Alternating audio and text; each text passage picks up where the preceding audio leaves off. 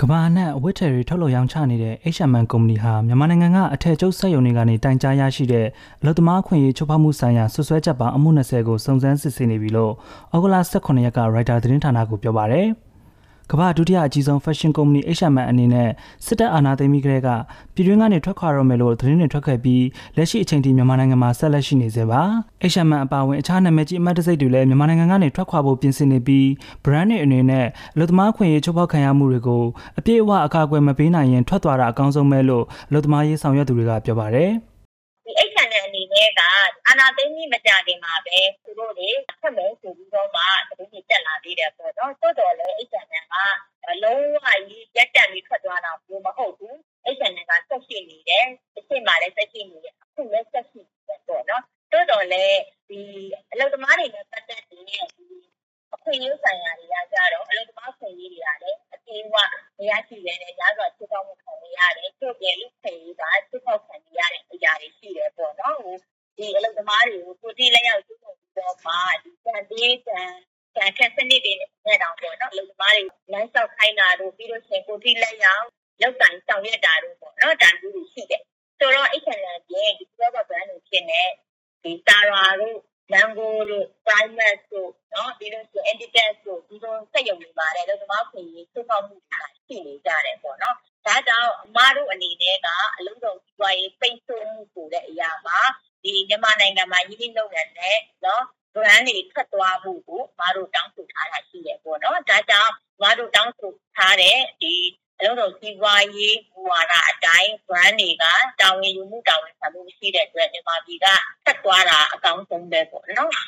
မြန်မာနိုင်ငံအထွေထွေအလုပ်သမားသမဂ္ဂများအဖွဲ့ချုပ်အနေနဲ့သူတို့အဖွဲ့စီကိုတိုင်ကြားလာတဲ့ဆက်ရော်အလုပ်ရုံတွေကအလုပ်သမားခွင့်ရေးချိုးဖောက်ခံရမှုပေါင်း64မှုကိုအပြည်ပြည်ဆိုင်ရာအလုပ်သမားအဖွဲ့အစည်း ILO ရဲ့စုံစမ်းစစ်ဆေးရေးကော်မရှင်စီတိုင်ကြားထားတယ်လို့ပြောပါရယ် ပြီးခဲ့တဲ့ဇွန်လလနဲ့ဩဂုတ်လပထမပတ်အတွင်းကလည်းနာမည်ကျော်အမတ်တစိတ်ဇာရာအပါအဝင်ဂျာမန်အားကစားဝတ်ထည်ကုမ္ပဏီဂျက်ကိုတို့ကလည်းမြန်မာနိုင်ငံမှာအထက်အော်ရာပေးတာရပ်ဆိုင်ဖို့အသီးသီးထုတ်ပြန်ခဲ့ကြပါတယ်။ H&M brand ထွက်ခွာတာနဲ့ပတ်သက်ပြီးအလုပ်သမားခွင့်ရေးချုပ်ပေါက်ခံရမှုအမှုပေါင်း20ထက်မကရှိနိုင်တယ်လို့အလုပ်သမားရေးတက်ကြွလှူရှာသူတယောက်ကခန့်မှန်းပြောဆိုပါတယ်။ H&M ကကြတော့ဟိုသူတို့တာဝန်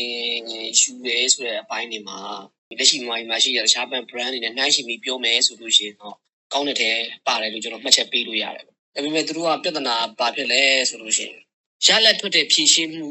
သွားနိုင်တဲ့ဥစ္စာတွေကတော်နေတယ်အဲ့တော့အဲ့ဒါဘာဖြစ်လို့အဲ့လိုဖြစ်ရတာလဲဆိုလို့ရှိရင်သူတို့တုံ့ပြန်မှုကနှေးတာပေါ့ကွန်ပျူတာဥစ္စာပေါ်မှာ response ကတအားနှေးတယ်ပေါ့တအားနှေးတဲ့ခါကျတော့ရက်လက်ကဘာဘာထွက်လဲဆိုတော့ဟိုအဆိုးဘက်ကိုရောက်သွားတာပေါ့လုပ်ငန်းရှင်ဘက်ကဒီကိစ္စကိုဟိုကောင်းကောင်းကင်တွယ်နိုင်ဖို့အတွက်အခွင့်အရေးပေးသလိုဖြစ်တာပေါ့လေအဲ့တော့ပြီးတော့လေအခု20ဆိုတဲ့ဥစ္စာမျိုးက တကယ်လဲဆိုလို့ရှိရင်ဒီတဲ့မကအများကြီးပဲဒီလိုအချိန်မျိုးမှာသူ့ရဲ့စိတ်ရုံအရေးအတွက်ကပဲအရင်ကာလမှာတော့ဆိုလို့ရှိရင်ရုံပေါင်း40ကျော်ရှိဆိုတော့အခုတည်းမရှိဆိုလို့ရှိရင်ရုံပေါင်း30ဆိုကျော်ရှိ30ကျော်ရှိရဲ့အဲမှာမှာအမှု20ပဲဆိုတဲ့ဥစ္စာမျိုးကတော့တိုင်ကြားမှုရှိတဲ့အရာပေါ့ဒါမှမဟုတ်သူတို့တွေ့ရှိတဲ့အရာပေါ့အဲအဲ့ဒီပုံမှာပဲအခြေခံပြီးတော့မှသူပြောတဲ့အရေးအတွက်လို့ပဲမှန်းဆလို့သုံးသပ်လို့ရတယ်ပေါ့ဗျာ။ပုံပြီးပြောရမယ်ဆိုလို့ရှိရင်ဒီလိုမျိုးဖြည့်ရှင်းမှုလှုပ်ဆောင်နေရဆိုတဲ့အပေါ်မှာတော့ကောင်းတဲ့ရှုထောင့်ကလည်းကျွန်တော်မြင်လို့ရတယ်။ဒါပေမဲ့ ဟိုကောင်းမွန်တဲ့ဖြည့်ရှင်းမှုစနစ်မရှိထားဘူး